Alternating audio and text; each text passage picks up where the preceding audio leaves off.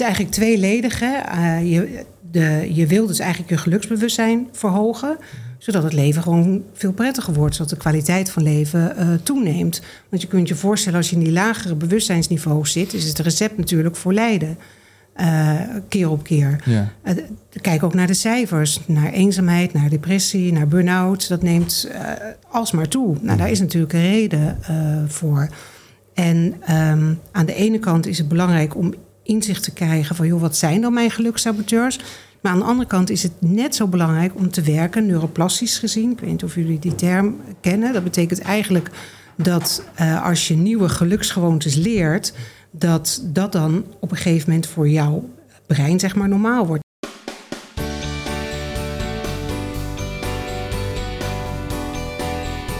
Leuk dat je weer kijkt of luistert bij deze nieuwe aflevering van de Podcast of Hope. Vandaag hebben we in de studio gelukscoach Sheila Nijman. We gaan het hebben over verschillende bewustzijnstaten en over veiligheid. Podcast of Hope, moving towards happiness. Nou, leuk dat je er bent. Ja. Dankjewel voor de uitnodiging. Ja, ja, natuurlijk. We gaan vandaag in gesprek over geluk. Is dat een onderwerp wat je veel bezighoudt in het dagelijks leven? Ja, ja, absoluut. Dat kan ook bijna niet anders, want ik ben natuurlijk 16, 17 jaar geleden ja mijn bedrijf eh, gestart. En dat gaat alleen maar over geluk. Dat was ook een retorische vraag eigenlijk. Ja, ja, precies. Ja. Uh, werkgeluk, opleiding voor gelukscoach, maar ook uh, methode gelukt, leerstrategie voor kinderen. En om dan maar meteen met de deur in huis te vallen, dat ben ik eigenlijk gaan doen omdat ik ja, zelf ook niet optimaal gelukkig was, maar ook omdat je gewoon nergens leert uh, om gelukkig te zijn. Mm, want dat leer je niet op school. Dat leer je eigenlijk ook niet op je werk en vaak ook niet binnen het uh, oudersysteem. Hè, leer je dat niet om uh, gelukkig te zijn. Terwijl als je aan iedereen vraagt: joh, wat is nou je grootste wens of je grootste verlangen? Ja. Of als je vraagt, als je kinderen hebt, joh, wat gun je je kinderen het allermeest? Ja, dan is dat altijd gelukkig zijn. Als ik daar mijn zoon vraag, wat uh, is voor jou een belangrijke wens, dan zegt hij geld. Maar als je dan door gaat vragen, Waarom is geld belangrijk? Ja, dan heb ik vrijheid. En waarom is vrijheid belangrijk? Nou, dan ben ik mm. gelukkig. Dus geluk is eigenlijk een soort einddoel. Het is ontzettend belangrijk. Daar hebben ze ook onderzoek naar gedaan, wereldwijd. Wil eigenlijk iedereen gelukkig zijn. Alleen nergens leer je hoe je dat moet zijn. Dus ik ben me echt gaan verdiepen. Uh, in geluk hè, bestaat er een studie over. Ja, de Science of Happiness, mm. wetenschap van geluk, uh, positive psychology. En uh, ja, zo begon eigenlijk mijn reis 16, 17 jaar geleden. Uh, ja, wat, om dingen te trainen en te leren over geluk. Hele mooie, mooie reis, ja. Maar je bent er dus wel van overtuigd dat het iets is wat mensen kunnen leren? Of, of, want ik heb altijd een beetje het gevoel, het is iets waar je op een gegeven moment gewoon een beetje tegenaan loopt eigenlijk. Uiteindelijk. Ja. En voor sommigen duurt het dan wat langer dan anderen. Maar het is dus wel iets wat je kan leren. Nou, dat is een hele goede vraag. Want uh, eigenlijk is geluk gewoon een bewustzijnstaat. Dus je mm. hoeft niet per se te leren om gelukkig te zijn. Maar wat wel heel belangrijk is, is dat je in de loop van je leven bouw je natuurlijk allemaal gelukssaboteurs op. En die saboteren jouw geluksgevoel.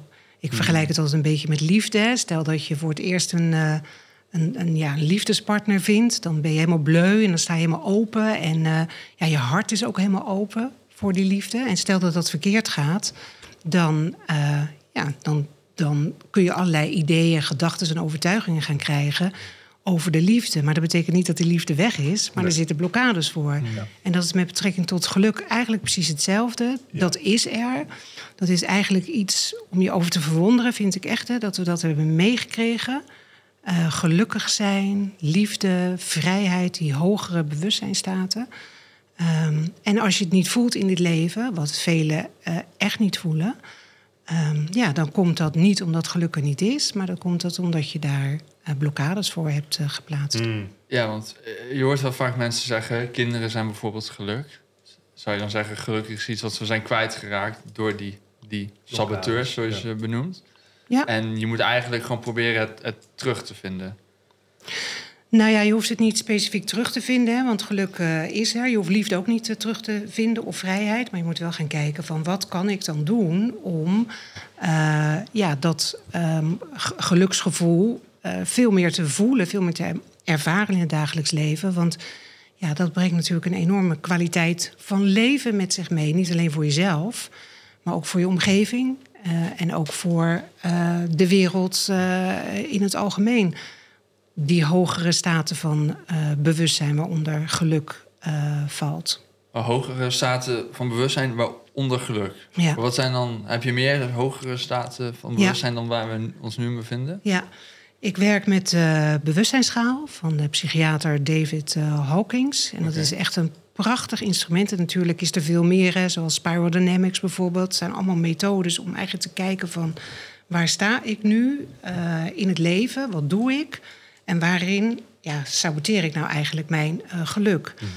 En die bewustzijnsschaal die loopt van laag bewustzijn naar hoog bewustzijn. Dus van schaamte, schuld, apathie, uh, verdriet, angst, uh, verlangen, woede, trots. En dan gaat hij naar moed. Is dat deze die ja, we hier zien? Klopt, ja. ja. En dan is moed eigenlijk het omslagpunt omdat je moed nodig hebt om die lagere bewustzijnstaten te transformeren. Als ja. je dat wilt natuurlijk, hè, want je bent een vrije geest. Je mag zelf bepalen of je wilt groeien in het leven of dat je dat niet wil. Je wil niet gelukkig zijn. Nee, ja, nou ja, het is, het is wel een hele uitdaging. Want um, als je kijkt naar die lagere bewustzijnstaten, hè, bijvoorbeeld uh, neem uh, verlangen. Uh, hartstikke mooi dat je verlangen en wensen hebt. Hè. Dat mensen relateren dat vaak aan geluk.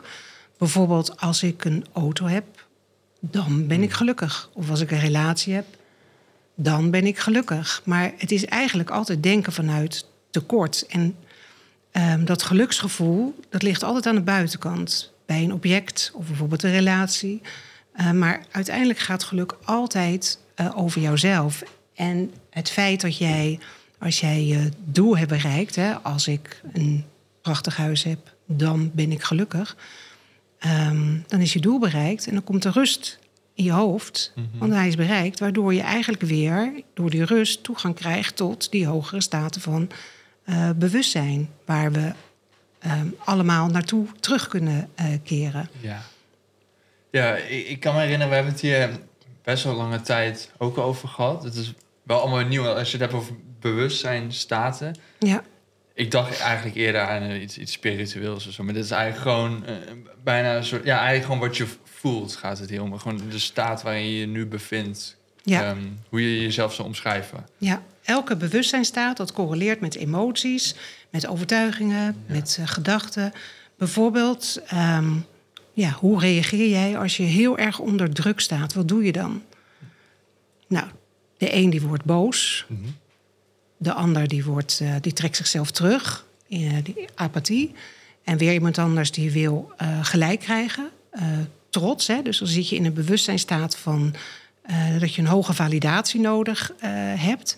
Daar hangen overtuigingen aan vast en daar hangen ook weer emoties aan vast. Als je bijvoorbeeld kijkt, dan laat ik heel simpel naar de politiek kijken. Als je in die hogere bewustzijnstaten zit, dan um, ja, zijn waarden als compassie, empathie, mededogen, dialoog um, zijn ontzettend belangrijk. Maar als je kijkt naar uh, gesprekken, en straks krijg je natuurlijk uh, sowieso uh, de dialooggesprekken in de politiek, dat gaat best wel heel erg over persoonlijke aanval in het verleden. Mm-hmm. Um, je groot maken, de ander klein willen maken. Nou ja, dat zijn lagere bewustzijnstaten. En als dat al vanuit de politiek plaatsvindt, zijpelt dat natuurlijk ook door naar de uh, samenleving toe. En het zou natuurlijk fantastisch zijn als er veel meer vanuit die hogere waarden geleefd wordt dan vanuit die uh, lagere. Maar kun je niet bijvoorbeeld gelukkig zijn en iemand belachelijk maken? Um, dat, dat, dat, is, uh, dat is afhankelijk van wat jij dan voor een uh, geluk verstaat. Dus als jij geniet van iemand belachelijk maken, dan is dat, ja, bij wijze van, hè, dan gaat het niet zozeer over geluk. Maar dan, ja, dan geniet jij van een bepaalde macht of een bepaalde, um, ja, dat je je groter kunt maken dan de ander.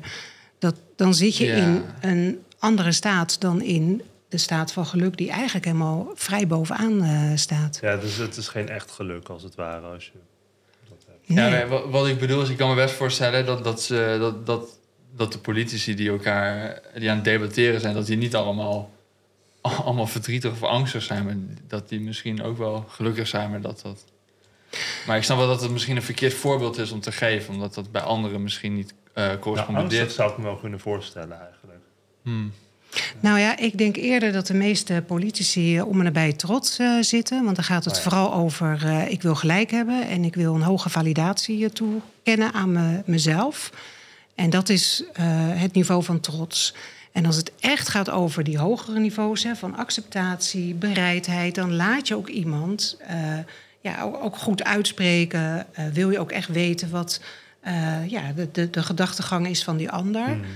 Um, maar ja, dat vergt een heel ander bewustzijnsniveau dan waar we nu in zitten. En het gros van de mensheid, en daar is dan ook weer onderzoek naar gedaan door die psychiater David Hawkins, die dit instrument gebruikt.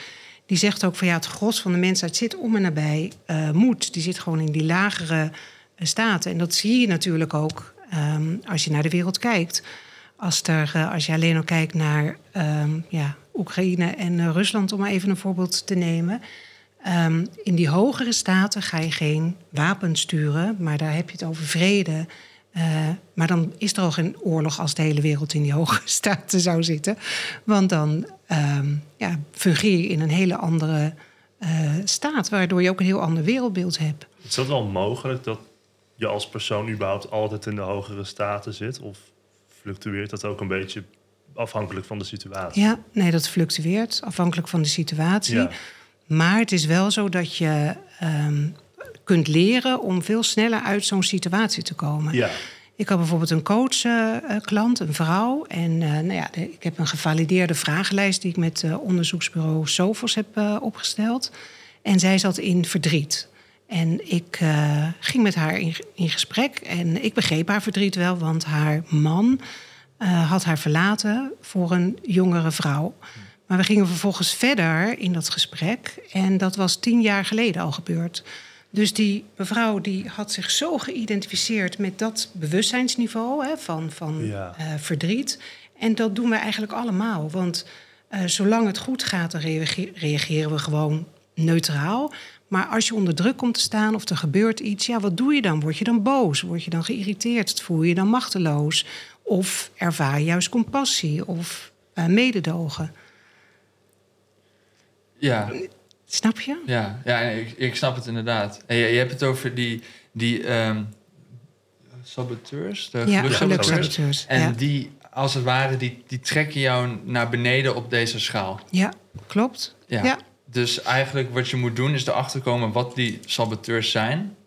Dan moet je ze verhelpen en zo, zo klim je omhoog. Ja, dus eigenlijk tweeledig. Hè? Uh, je, de, je wil dus eigenlijk je geluksbewustzijn verhogen zodat het leven gewoon veel prettiger wordt, zodat de kwaliteit van leven uh, toeneemt. Want je kunt je voorstellen, als je in die lagere bewustzijnsniveau zit, is het recept natuurlijk voor lijden.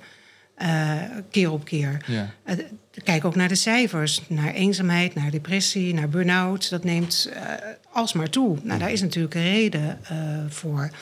En um, aan de ene kant is het belangrijk om inzicht te krijgen van... joh, wat zijn dan mijn gelukssaboteurs?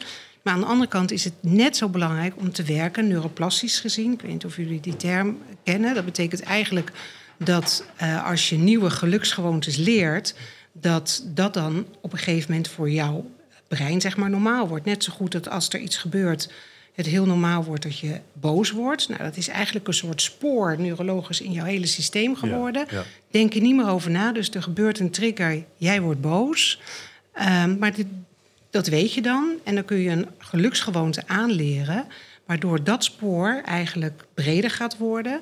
En dat spoor van boos worden, omdat je het niet meer gebruikt. If you don't use it, you lose it, is dan de kreet. Ja. Uh, ja, dan neemt dat af. En dan wordt het leven gewoon echt veel en vele malen uh, fijner en uh, prettiger. Het gaat eigenlijk om een routine in dat opzicht. Ja, om, inderdaad. Onbewust ja. automatisch, net zoals we dat eigenlijk met alles doen ook die lagere staten, wil je eigenlijk dat dat ook gewoon onbewust automatisch uh, gebeurt. Ja. ja. Hoe je het nu omschrijft, het lijkt alsof die saboteurs die, zit, die zijn eigenlijk van jezelf. Klopt dat? Ja. Het zijn interne saboteurs. Ja. Oké. Je zou het ook kunnen opvatten, saboteurs, dat er, um, dat er externe factoren zijn um, die, je, die, die je letterlijk aan het saboteren zijn. Maar het gaat echt om interne factoren. Ja, het gaat, dan gaat het ook om jouw gedachten over die externe. Nee, ja, exact. Ja. En kijk, toen ik, toen ik begon met die hele reis richting uh, geluk, hè, toen begon ik ook eerst met die uh, formule, geluksformule van Sonja Leo Bemerski. Ik weet niet of jullie wel eens van haar hebben gehoord. Ik heb wel van verschillende geluksformules gehoord. Ja. Ik weet niet of ik deze ken. Ja, nou ja, het komt eigenlijk allemaal een beetje op hetzelfde neer. Maar zij zegt dan bijvoorbeeld van uh, eh, 40% van je geluksgevoel... dat wordt dan bepaald door uh, je genetisch materiaal. Ja, oh, ja. was voor, ja. En 10% door omstandigheden en 40% door uh, gedrag. Nou ik zet altijd een hele grote rode kruis door deze happiness pie chart, zoals die heet... Mhm omdat er veel meer meespeelt dan alleen dit. Weet je, als iets genetisch is, betekent het nog niet dat je het niet kunt veranderen. Uh, maar dat is heel lastig uit te leggen, want daar spelen ook epigenetische factoren een, een, rol mee. Mhm. Bovendien, Maaike Bartels, die uh, hier ook is geweest, die zegt bijvoorbeeld 40% van het geluksgevoel uh, is, gaat over genetische verschillen tussen mensen. Dus zij zal nooit zeggen 40% geluksgen heb je wel of heb je niet. Nee, het gaat over de verschillen. En 60% gaat over omgevingsfactoren. heb ik ook naar gekeken, want ik vind het een hele mooie formule. Want natuurlijk, die omgeving heeft altijd effect op jou. En vooral jouw gedachten om die, uh, op die omgeving. Maar hoe hoger jouw bewustzijnsniveau is, hoe minder je je daardoor laat beïnvloeden. Denk bijvoorbeeld aan Viktor Frankl. Ik weet niet of jullie hem kennen, psychiater. Uh, die in een uh, concentratiekamp uh, terechtkwam, eigenlijk zijn hele familie kwijt was. En toch was hij in staat om in die omgeving um, zingeving en geluk te ervaren. Um, dat betekent dat we dus als mens verschillende staten kunnen hebben. En um, ja, dat geluk dus niet afhankelijk is. Je wil natuurlijk niet in zo'n concentratiekamp het liefst leven. Maar in feite is er keer op keer bewijst dat geluk dus niet afhankelijk is van uh, die omgeving, maar ja, hoe jij eigenlijk omgaat met die hele situatie. hij was gelukkig in een concentratiekamp. Ja, hij heeft ook een boek over geschreven. Ja, ja. hij vond echt betekenis. Ja, en dat zijn natuurlijk wel meer, maar dat zijn die, ja, de, de, de, de, de goeroes, zeg maar, uh, terwijl die niet bestaan, maar zo noemen we ze dan, in, in het leven, die in dat hoger bewustzijn. En Gandhi, een uh, moeder Teresa. Een, uh... Waarom bestaan goeroes niet? Nou ja, um, ik denk wel dat je heel erg veel kan leren van uh, iemand anders in een hogere staat. Hè. Dat voel je ook hè, als iemand in een hoger bewustzijnsniveau zit. Dat is in principe wat we een goeroe noemen, toch? Het is wat we een goeroe noemen. Ja. maar eigenlijk kun je ook je eigen goeroe in jezelf natuurlijk wakker maken. Ja, weet je, als boeddhisten die zeggen dat de boeddha als het ware in iedereen zit. Of iedereen potentie heeft om het te zijn, als het ware. Ja, nou ja, klopt. Ja, mee eens, ja. Ja, nou, hierboven staat verlichting. We hebben het wel vaker gehad over verlichting. Wat, wat, wat bedoel jij nou precies met verlichting? De meningen zijn wel vaak verschil, uh, verschillend over wat het nou betekent. Ja, ja. Nou ja, verlichting is eigenlijk gewoon dat je in een, een verruimd bewustzijn zit. Dat je leven gewoon lichter wordt. Mhm. Dus uh, ja, je hebt eigenlijk geen last van. Uh, oh, het wordt letterlijk lichter. Ja, het wordt gewoon lichter. Leven wordt lichter. Als er iets gebeurt, kun je dat, daar veel makkelijker mee uh, omgaan dan. ja, weet je, mensen kunnen echt um, dagen in een bepaalde weken, maanden, jaren in een staat blijven hangen. Ik weet niet of jullie dat zelf herkennen. Uh, of... Nou, of, of, dus de verlichting kennen?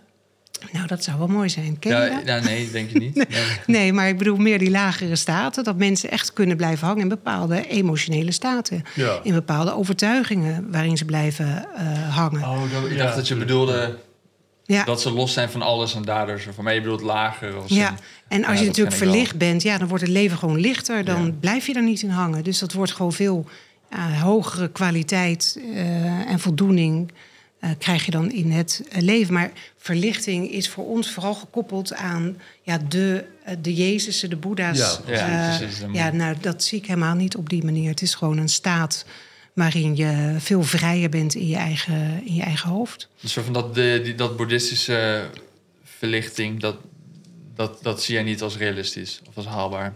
Ik heb uh, jarenlang onderricht uh, gevolgd van uh, Sogyal Rinpoche.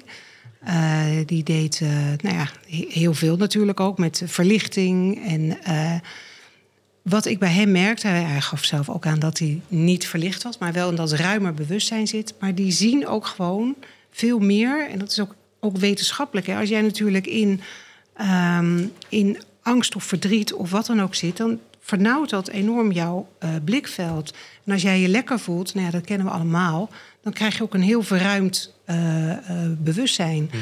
Dus ehm, ja, ik hoop echt dat ik mijn steentje kan bijdragen aan het verhogen van het bewustzijn van de mensheid. Omdat het leven dan niet alleen voor mij, maar ook voor, ja, voor de omgeving, voor het collectief. Ehm, gewoon veel mooier wordt. En dat betekent wel dat je natuurlijk uh, nou, naar, naar binnen moet, naar jezelf moet gaan kijken. Ja, precies. Want ik denk dat daarom mensen het vaak over de externe factoren hebben. Ja. Omdat het veel, uh, nou, ik wil niet zeggen realistischer, maar um, ja. pragmatischer is. Ja. Terwijl eigenlijk kun je daar dus niet echt het, het ultieme bewustzijn mee bereiken. Nee. Je moet naar binnen gaan. Ja, klopt. Ja, als je dan zegt dat we, dat we meer mensen geluk moeten leren, hoe stel je dat dan voor? Moet iedereen gewoon hierover geleerd krijgen op school en dan oefeningen doen om naar binnen te keren? Of hoe, hoe zie je dat voor je? Nou ja, je kunt natuurlijk nood iemand anders uh, gelukkig maken. Want dat, daar kom je weer op de vrije geest uit. Hè? Iemand die moet wel willen om daar ja, iets mee te willen doen. Maar één ding is wel ontzettend belangrijk en dat is uh, veiligheid. Uh, dat bijvoorbeeld op de werkplek als er geen veiligheid is op de werkplek, ja, dan functioneren mensen natuurlijk ook gewoon niet ehm, uh, goed. Um, en jouw zenuwstelsel die reageert op onveiligheid. En vooral, hè, jullie dat denk ik wel eerder hebben gehoord, die eerste zeven jaar van jouw leven zijn echt super belangrijk voor jouw toekomstig geluk. Uh, en dat heeft onder andere te maken met je hersengolven. Je zit in delta, uh, theta hersengolven. Dat betekent dat uh, jouw brein eigenlijk alles opneemt als een spons wat je hoort. Dus de mooie dingen van dat heb je goed gedaan en wat ben je knap en wat zet je door. Maar ook de ja, nare dingen van wat ben je druk, je kan het niet, je doet het niet goed.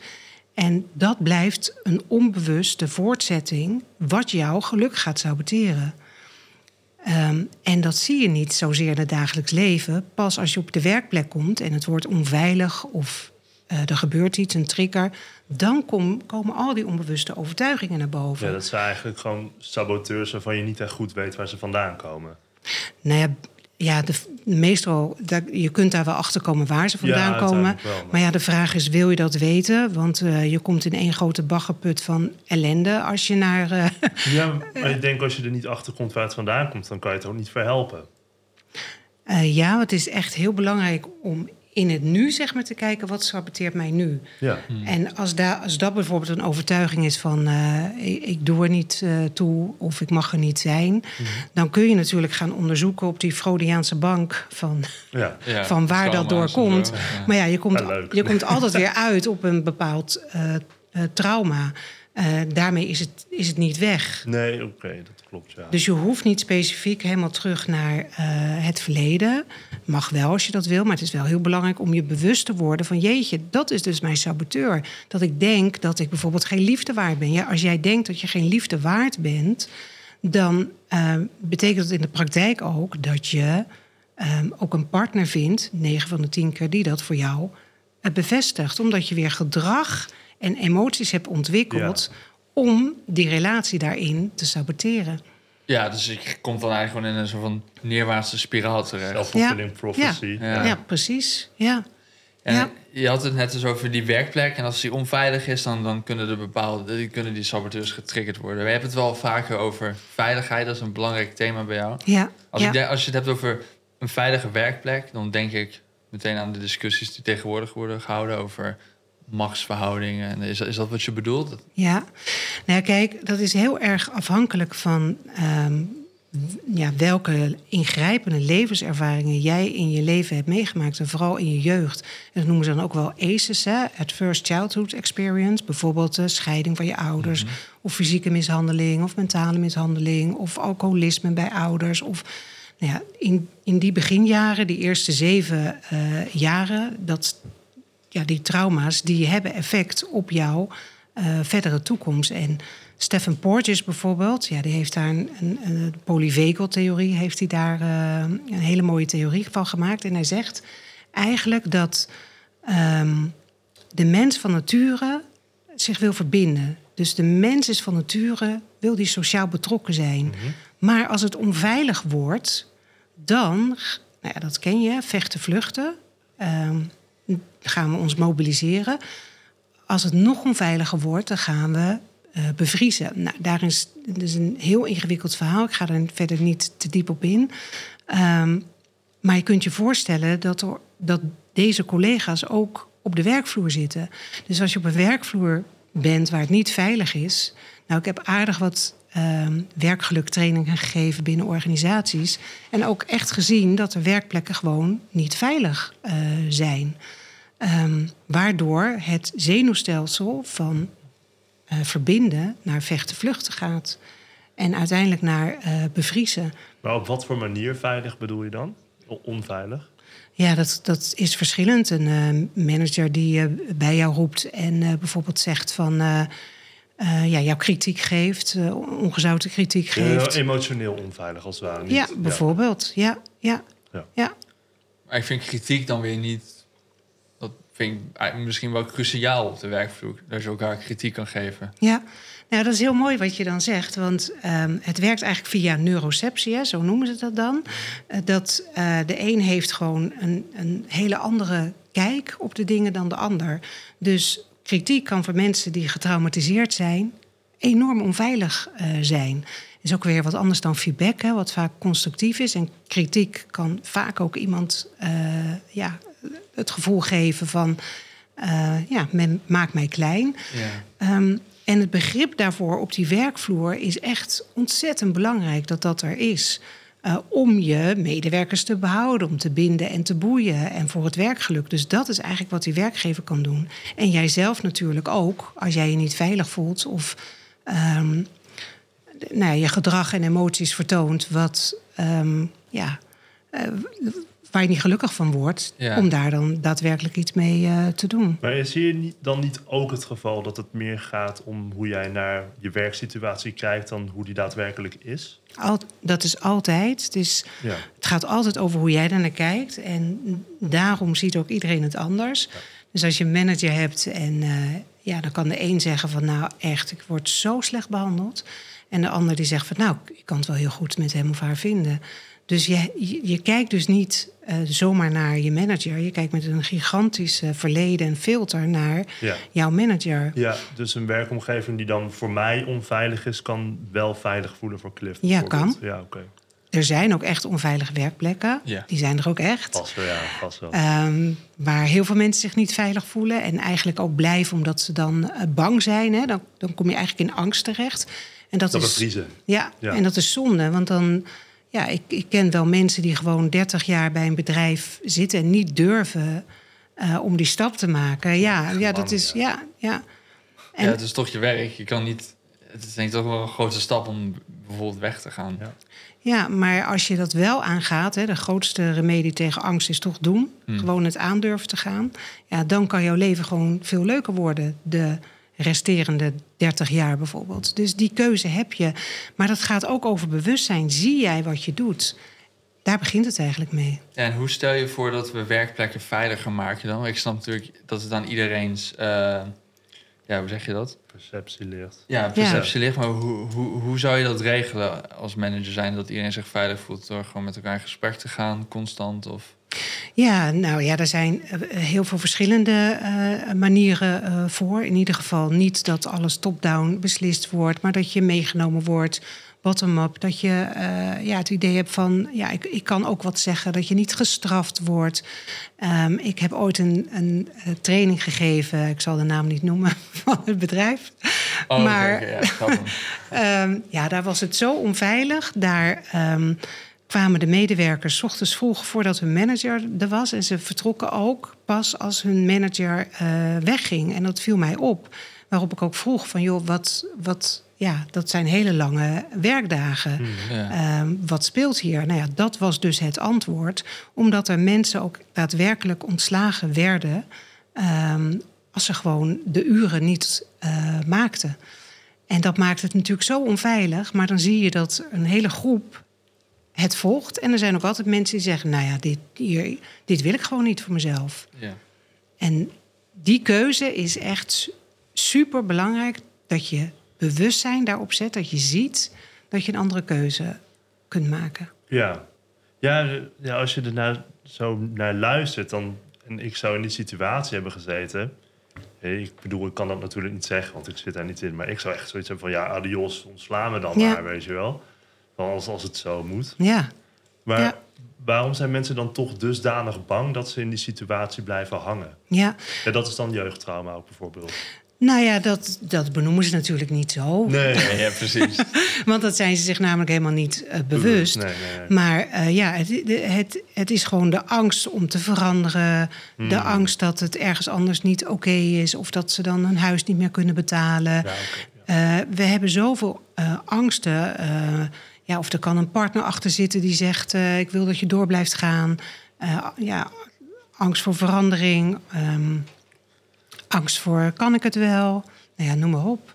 Ja, ik denk wel dat het, dat het langzaam verandert of niet. Als in werkplekken worden wel veiliger, uh, heb ik het gevoel. Um, nou, dat weet ik niet. Als je kijkt naar het aantal cijfers van burn-out, neemt het nog steeds toe. Hmm. Uh, 1, ja. zoveel miljoen. Als je kijkt naar hoeveel mensen gestrest zijn, neemt dat ook toe. Uh, eenzaamheid neemt ook uh, toe. Vooral onder jongeren ook. Hè. Jongere vrouwen neemt het toe. Dus ja, ik zou dat niet zo durven te stellen. Er wordt ook hmm. nogal wat van je uh, gevraagd. Hè? Uh, in, in de rollen die we allemaal hebben in het leven. Um, ja, wat natuurlijk allemaal stress, stressverhogend werkt. Ja, precies. Ja, want is veiligheid buiten, buiten de werkvloer om... Zijn er andere plekken waar, je, waar veiligheid van belang is? Ja, in elk systeem is veiligheid natuurlijk belangrijk. Tot in je gezin. In, je, in het oudersysteem, in je eigen gezinssysteem is veiligheid belangrijk. Um, op schoolsysteem is veiligheid belangrijk. Ja, daar gebeurt natuurlijk ook uh, best wel wat. Als je, uh, toen mijn zoon bijvoorbeeld naar school ging, ja, daar gebeurden ook gewoon dingen dat ik dacht van jeetje, wat onveilig voor die uh, kleine kinderen. Bijvoorbeeld uh, een docent die ziek is. En uh, ja, dan heeft hij, had hij gewoon 20, 25 docenten in dat jaar. Ja, sommige kinderen hebben het echt nodig dat ze zich een beetje goed kunnen hechten, veilig kunnen hechten aan een leerkracht. Mm. Dus daar was ook onveiligheid. Dus ja, dat vindt ook plaats. Armoede, hè, wat toeneemt. Kinderen die dan naar school gaan en ja, daar toch ook wel last van hebben om daarover te praten. Dus ik weet niet of die veiligheid uh, toeneemt. Bovendien ben ik in 2020 um, ehm, weer even in de zorg gewezen kijken. Nou ja, ik vond het echt daar totaal niet veilig. Het was natuurlijk ook geen veilige situatie, maar het was ook net voor coronatijd. Hoe hard er gewerkt moet worden, hoeveel er afgevinkt moet worden, er geregistreerd moet worden door de verpleegkundigen in die thuiszorg. Dat ik denk van ja, dat maakt het niet er altijd even veilig op. Want je wordt daarop afgerekend natuurlijk. Ja, het lijkt me een beetje een, lastig, uh, een, een, een, lastige situatie. Want aan de ene kant wil je aan de veiligheid werken... aan de andere kant is er, zijn er superveel personeelstekorten. Ja, hoe, hoe, hoe ga je dat oplossen? Ja, nou ja, daar zijn natuurlijk ook wel... Voor alles is een oplossing uiteindelijk, hè? maar je moet wel de ruimte krijgen om daar uh, iets uh, ja, mee te kunnen doen. Bijvoorbeeld wat je heel erg ziet in de zorg, maar goed, daar wijken we een beetje af, is natuurlijk positieve gezondheid. Die op een hele holistische manier kijkt naar, uh, ja, naar, naar, naar de mens. En het budget van de zorg gaat vooral naar medicalisering en naar ziek zijn, hmm. maar niet naar leefstijl, niet naar preventie. En niet naar uh, ja, die holistische kijk op, uh, ja, zoals positieve gezondheid dat doet. Hè. Ook zingeving, kwaliteit van leven. Ja, dat is fantastisch. En daar hebben huisartsen uh, hebben die gesprekken gevoerd. Hè, bijvoorbeeld met cliënten die positieve gezondheid gesprekken. Wat ook natuurlijk over geluk gaat. Hè. Ben je gelukkig? En dan blijkt dat als uh, huisartsen, er is een heel mooi boek over geschreven als huisartsen die gesprekken voeren met hun cliënten. Dat in het begin moeten ze natuurlijk extra tijd investeren. Maar daarna neemt de eigen regie toe, het geluksgevoel neemt mm. toe. Dus ja, er is wel degelijk uh, heel veel mogelijk. Maar dat betekent ook tegelijkertijd, we zitten natuurlijk in een transitie. We, zijn, we zitten eigenlijk in een soort overgang naar andere manier van hoe gaan we met de zorg om. Uh, het onderwijs, idem dito, als je kijkt naar een uh, leslokaal. Ja, dan is dat exact hetzelfde als een leslokaal van 1965 bijvoorbeeld. Alleen je hebt een digibord. Uh, maar meer is er niet uh, veranderd. Dus ook daarin zit een transitie. Je ziet al wat nieuwe initiatieven komen. binnen het onderwijs. Maar het is nog steeds dat het onderwijs moet voldoen aan het curriculum van de overheid. En dat is best wel heel veel leren, rekenen, lezen, schrijven. Maar hoe bedoel je curriculum van de overheid? Zou je dan dat los willen, zou je dat dan los willen maken van de overheid en dat dan scholen een eigen curriculum nou ja, ik denk dat er naast die standaard vakken die, we, die er zijn, hè, mhm. is het uh, ontzettend belangrijk dat er ook aandacht is voor bijvoorbeeld uh, geluk. Wat kan ik nou doen om gelukkig uh, les, geluksles te krijgen? Nou, die methode heb ik ontwikkeld, geluksles voor kinderen binnen basisonderwijs, waarbij zij acht geluksgewoontes leren. En dat is echt fantastisch als je met kinderen gaat zitten. Bijvoorbeeld, uh, ik had een groep van uh, ongeveer 30 kinderen van het Leonardo-onderwijs. Dat zijn hoogbegaafde kinderen. Nou, daar is ook heel veel drukte in zo'n uh, groep als je daar binnenkomt. Maar we gingen een meditatieoefening doen. En Um, ik dacht, nou, dit, zij weten vast niet wat dat is, zo'n jonge groep van de basisschool. Maar dan wisten ze precies van, ja hoor, leuk, we gaan mediteren. Ze gingen gelijk zo met hun handen uh, zitten. En um, nou, na tien minuten mediteren zag je dat de rust was wedergekeerd in die klas. En dat heeft natuurlijk een enorme winst als je dat uh, voor elkaar krijgt. Uh, als je start bijvoorbeeld met bepaalde uh, gezondheids- of, of, of, geluksgewoontes, zoals dit. Hè, dit is ook een geluksgewoonte. Mhm. En die zijn eigenlijk allemaal vanuit de positieve psychologie, dat noemen ze positieve psychologie-interventies, die je kunt toepassen, um, ja, waardoor het, uh, ja, het leven ook op school gewoon veel en veel aangenamer en leuker wordt. Ook voor de docent die niet de hele tijd hoeft te schreeuwen. Ja, te dealen met drukke kinderen. ja, precies. Ja, ja. is, is absoluut zo. ja. Maar je krijgt dan wel alsnog weer een, een, uh, een curriculum die wordt bepaald door iemand die zegt: oh, dit is de manier hoe je gelukkig wordt. Dit is. Terwijl je zou, zou misschien iemand anders zeggen, uh, die zegt: oh nee, hiervan word je gelukkig. We moeten dat aan de kinderen leren. Want op een gegeven moment toch moet je kiezen wat je wel doet en wat niet doet. Ja, dat moeten ze sowieso al. Want uh, er is dan wel bepaald binnen het onderwijs dat een school verplicht is om aan een aantal leerdoelen te voldoen. Ik dacht leerdoel 34 en 35 even uit mijn hoofd. En dan zijn ze verplicht om een strategie te kiezen, zoals methode gelukt. Maar er zijn natuurlijk de kanje-trainingen, was bijvoorbeeld ook zo'n mm. uh, methodiek. Um, en daar zijn ze vrij in om te kiezen van, joh, waar, waar ga ik nou eigenlijk voor?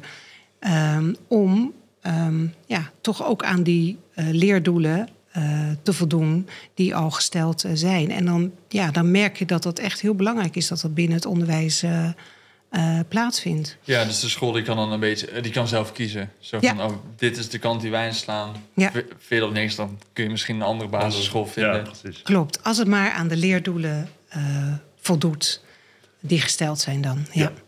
Ja. ja. ja we, we lazen op je site ook dat je Um, ik moet het even erbij pakken. We waren allemaal afkortingen. NEI, NLP, EFT. Ja, en ga zo maar door. Ja, NLP die, die, kom, die komt ons wel bekend voor. Neurolinguistisch programmeren. Ja. Oh ja, ja, ja, ja, ja, dat is natuurlijk het uh, mooie voorbeeld. van, uh, maar uh, op iedereen vaak een allergie krijgt. Maar goed, hij heeft wel hele mooie dingen toch voor elkaar gekregen met NLP. Ja. Nee, maar hebt heel veel gepro uh, geprobeerd op dit gebied. Ja. Wat zou je nou zeggen dat, dat, dat het meest belangrijke is voor jou geweest op het gebied van geluk? Ja, nou, er, er is geen one size fits all, was het maar waar. Mm. Dat ik kan zeggen van, joh, als, uh, als jullie dit doen, dan ben je uh, voor eeuwig en altijd gelukkig. Zo werkt het helaas niet. Het is echt gewoon een reis die je, die je aangaat. Als jij geluk traint, ja, dan ja, beklijft het geluksgevoel ook veel meer, omdat je er natuurlijk continu mee bezig bent. Hè? Uh, ja, er zijn zoveel interventies die mij geholpen hebben. Uh, vergeving is een uh, hele mooie interventie die mij echt heeft geholpen om uh, ja, die gelukssaboteurs los te laten. Dankbaarheid is ook iets wat mij heel erg heeft geholpen. Um, om ja, dichter bij dat geluksgevoel te kunnen komen. Zelfreflectie, um, compassie en vooral zelfcompassie. Hè, dat is uh, ja, heel belangrijk om in je, in je kracht te blijven eh, staan. Want je, je zit altijd in een situatie in het leven, of je moet je helemaal opsluiten in je eigen kamertje. Ja. ja waarin je elke keer uitgedaagd wordt. Ehm, ja, om toch te blijven geloven in jezelf en om in je kracht te blijven staan. En als je dat kunt, ja, nou ja, dan verrijkt dat natuurlijk enorm het leven. Wat bedoel je daar precies mee in je eigen kracht te blijven staan? Ja, dat is ook zo'n ja, ik, mooie zinsnede natuurlijk. ja, dat begrijp ik. Ja, precies wat ja, je ja. bedoelt. Nou, in je, in je kracht blijven staan is... Uh, ja, ik noem dat altijd eigenlijk dat je uh, bij jezelf blijft. Uh, want er is genoeg om afgeleid te worden van, van jezelf. Iemand zegt iets en hmm. je, je stapt eigenlijk automatisch in je onbewuste mind. En Bruce Lipton neem aan dat jullie daar wel eens van gehoord hebben. Biologie van de. Oh, nou, Bruce Lipton is echt. Ja, een, een, een, heeft een prachtig boek geschreven, De Biologie van de Overtuiging. Um, en hij um, geeft eigenlijk aan dat we zo'n 90, 95 procent van alles wat we doen onbewust automatisch is. Maar heel veel van dat onbewuste automatische wat we doen, uh, werkt contraproductief voor jouw geluk. Hm. Uh, en slechts 5 à 10 procent van wat we doen, dat doen we bewust. En dat snap ik ook wel, want als je alles bewust moet doen, nou ja, dan ben je na een paar uur ben je gewoon doodmoe. Want ja. ja jouw brein kan dat niet aan. Daarom hebben we al die onbewuste mechanismes, mm. omdat dat uh, energie spaart voor je brein. Maar ehm, ja, we doen dus heel veel onbewust automatisch. En dat houdt jou uit je kracht. Dus het is in je kracht blijven staan, is dat jij gewoon elke keer weer terugkeert naar jezelf. Van wat, ja, wat doet dit met mij? Wat gebeurt er in mij als je getriggerd wordt? Ja, dan kun je in die trigger meegaan en uh, het gaan projecteren op de omgeving, hè, de, je projectiemechanisme. Of je kiest ervoor om uh, ja, op onderzoek te gaan in jezelf. En dan blijf je gewoon veel meer in je kracht staan. En wordt het leven ja, weer leuker. Ja, gewoon minder autopiloot, als het ware. Nou ja, die, die hebben we.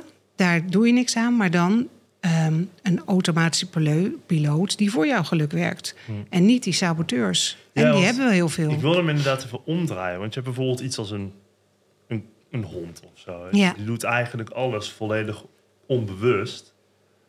Ja. En die is eigenlijk doodgelukkig. Dus het lijkt bijna alsof het bewustzijn juist hetgeen is dat dan een beetje goed in het eten gooit eigenlijk. Ja. Nou ja, niet het bewustzijn, maar wel het zelfbewustzijn. Hmm. Ehm, kijk, een hond die denkt inderdaad niet van... oh, mijn baasje is nu uh, nou tien minuten, uur. Ja, hij haat me. ja, nee, die is altijd gewoon blij om jou uh, te zien. Ja, maar het is inderdaad dat, dat, uh, ja, dat zelfbewustzijn. Jeremy Griffith, dat is een bioloog... die heeft daar ooit een heel mooi verhaal over verteld. Hè. Die zegt het is met de mens eigenlijk verkeerd gegaan. En dan, dan metaforisch benoemt hij dan ooievaars. Die zijn natuurlijk allemaal met elkaar... vliegen ze samen naar een andere plek toe. En op een gegeven moment denkt één ooievaar van... hé, uh, hey, ik zie daar een mooi eilandje, ik ga daar, uh, ik ga daar naartoe. Mm. Um, en dan roept hij die anderen, maar die volgen gewoon hun instinct. Want ja, die hebben dat zelfbewustzijn niet. Maar die ene ooievaar dan uh, wel. En die gaat naar dat eilandje. En die, ja, die is helemaal blij en uh, gelukkig. Maar hij behoort niet meer tot die groep. En uiteindelijk keert hij terug naar uh, de groep. Maar ze begrijpen hem helemaal niet. Mm. Waardoor hij gaat denken: ik mag er niet zijn. Ik doe er niet toe. Hmm. Ik ben niet goed. Uh, emoties krijgen. Dus hij legt dat eigenlijk heel goed uit. Hoe we onszelf gewoon enorm saboteren. in dat onbewuste automatische ehm, ja, patronen. Ja, een beetje het lelijke eentje. Ja. Ja, ja klopt. Ja. En, we vragen onze gasten op het eind dat dit naar het voorwerp... dat we hebben gevraagd dat ze meenemen. Ja. jij hebt... Oh, nu, oh daar ligt een, een steentje. Ik heb een, een steentje. Nou, die ligt nu hier. Meestal zit hij altijd in mijn broekzak of jaszak. Ehm, als ik een zak heb wel. Oké, okay, ja, nee, okay, je hebt hem altijd bij Dus. Ja, soms heb ik een jurk, dan zit er geen... er steen in. er zit er geen steen in.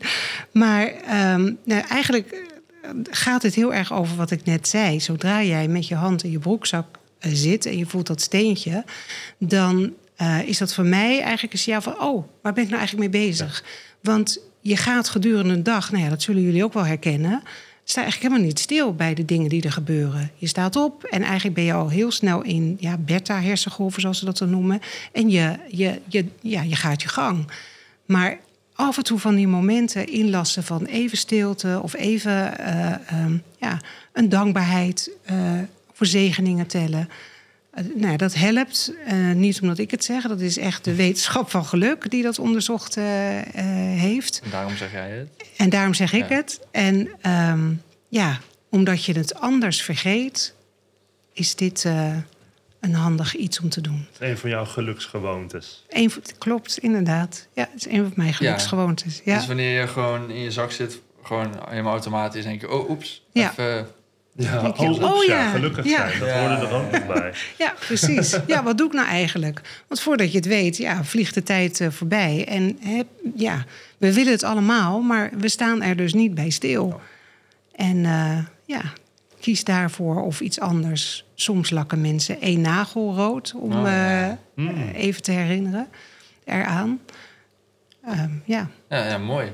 Ja, nee, we vragen op het eind altijd onze gasten om een tip te geven. Of soms vergeten we het, maar dat proberen we wel altijd te doen. Voor maar de, tip is nu lak je nagelrood. Ja. ja, dan, eigenlijk was dat al de tip. Ja, eigenlijk is dat uh, de tip, lak je, ah. lak je nagelrood. En sta is wat vaker ja, stil, ga eens wat meer uh, naar binnen. Dat vind ik echt. Kijk, ik kan zeggen, doe een dankbaarheidsoefening, maar dat is zo standaard. Ik denk dat uh, de meesten dat wel uh, aangeven. Maar stel dat je getriggerd wordt. Op waar dan ook. Iemand triggert jou, dat voel je in je, in je lichaam. Maar wat, doen de meeste mensen dan? Die verdringen het, of negeren het, of verstoppen het en doen net of het er niet is. Maar ik wil echt mensen uitnodigen om daar eens bij stil te staan van wat gebeurt er nou? Wat voel ik nou? En uh, ja, die zelfreflectie uh, toe te passen, die bewustzijn daarop te zetten. En dat is echt de eerste stap um, naar meer geluk. En we hebben het ook getest. Hè? Stijgt het bewustzijn, stijgt het geluksniveau? Dat hebben we laten testen door uh, Universiteit Erasmus. En het stijgt ook echt als jij met die positieve gezondheidsinterventies, maar ook holistische interventies Bedankt voor het kijken of luisteren naar deze aflevering van de Podcast of Hoop. We hopen dat je ervan hebt genoten of misschien zelfs geïnspireerd bent geraakt. Om de zondag komt er om 10 uur een nieuwe aflevering online op Spotify, YouTube en al je andere favoriete podcastkanalen. Ook kun je ons vinden op www.podcastofhoop.nl. Tot ziens en veel geluk. De wereld waarin we leven biedt nog geen gelijke kansen. Voldoende eten en drinken. Een adequate opleiding. Goede gezondheidszorg. Vrede en geluk is niet voor iedereen weggelegd. Maar stap voor stap wordt het beter en zijn we op weg naar een octopische samenleving waarin iedereen zijn of haar leven als goed kan beschouwen. Het is een lange reis, maar we zijn op weg. Podcast of Hope. Moving towards happiness.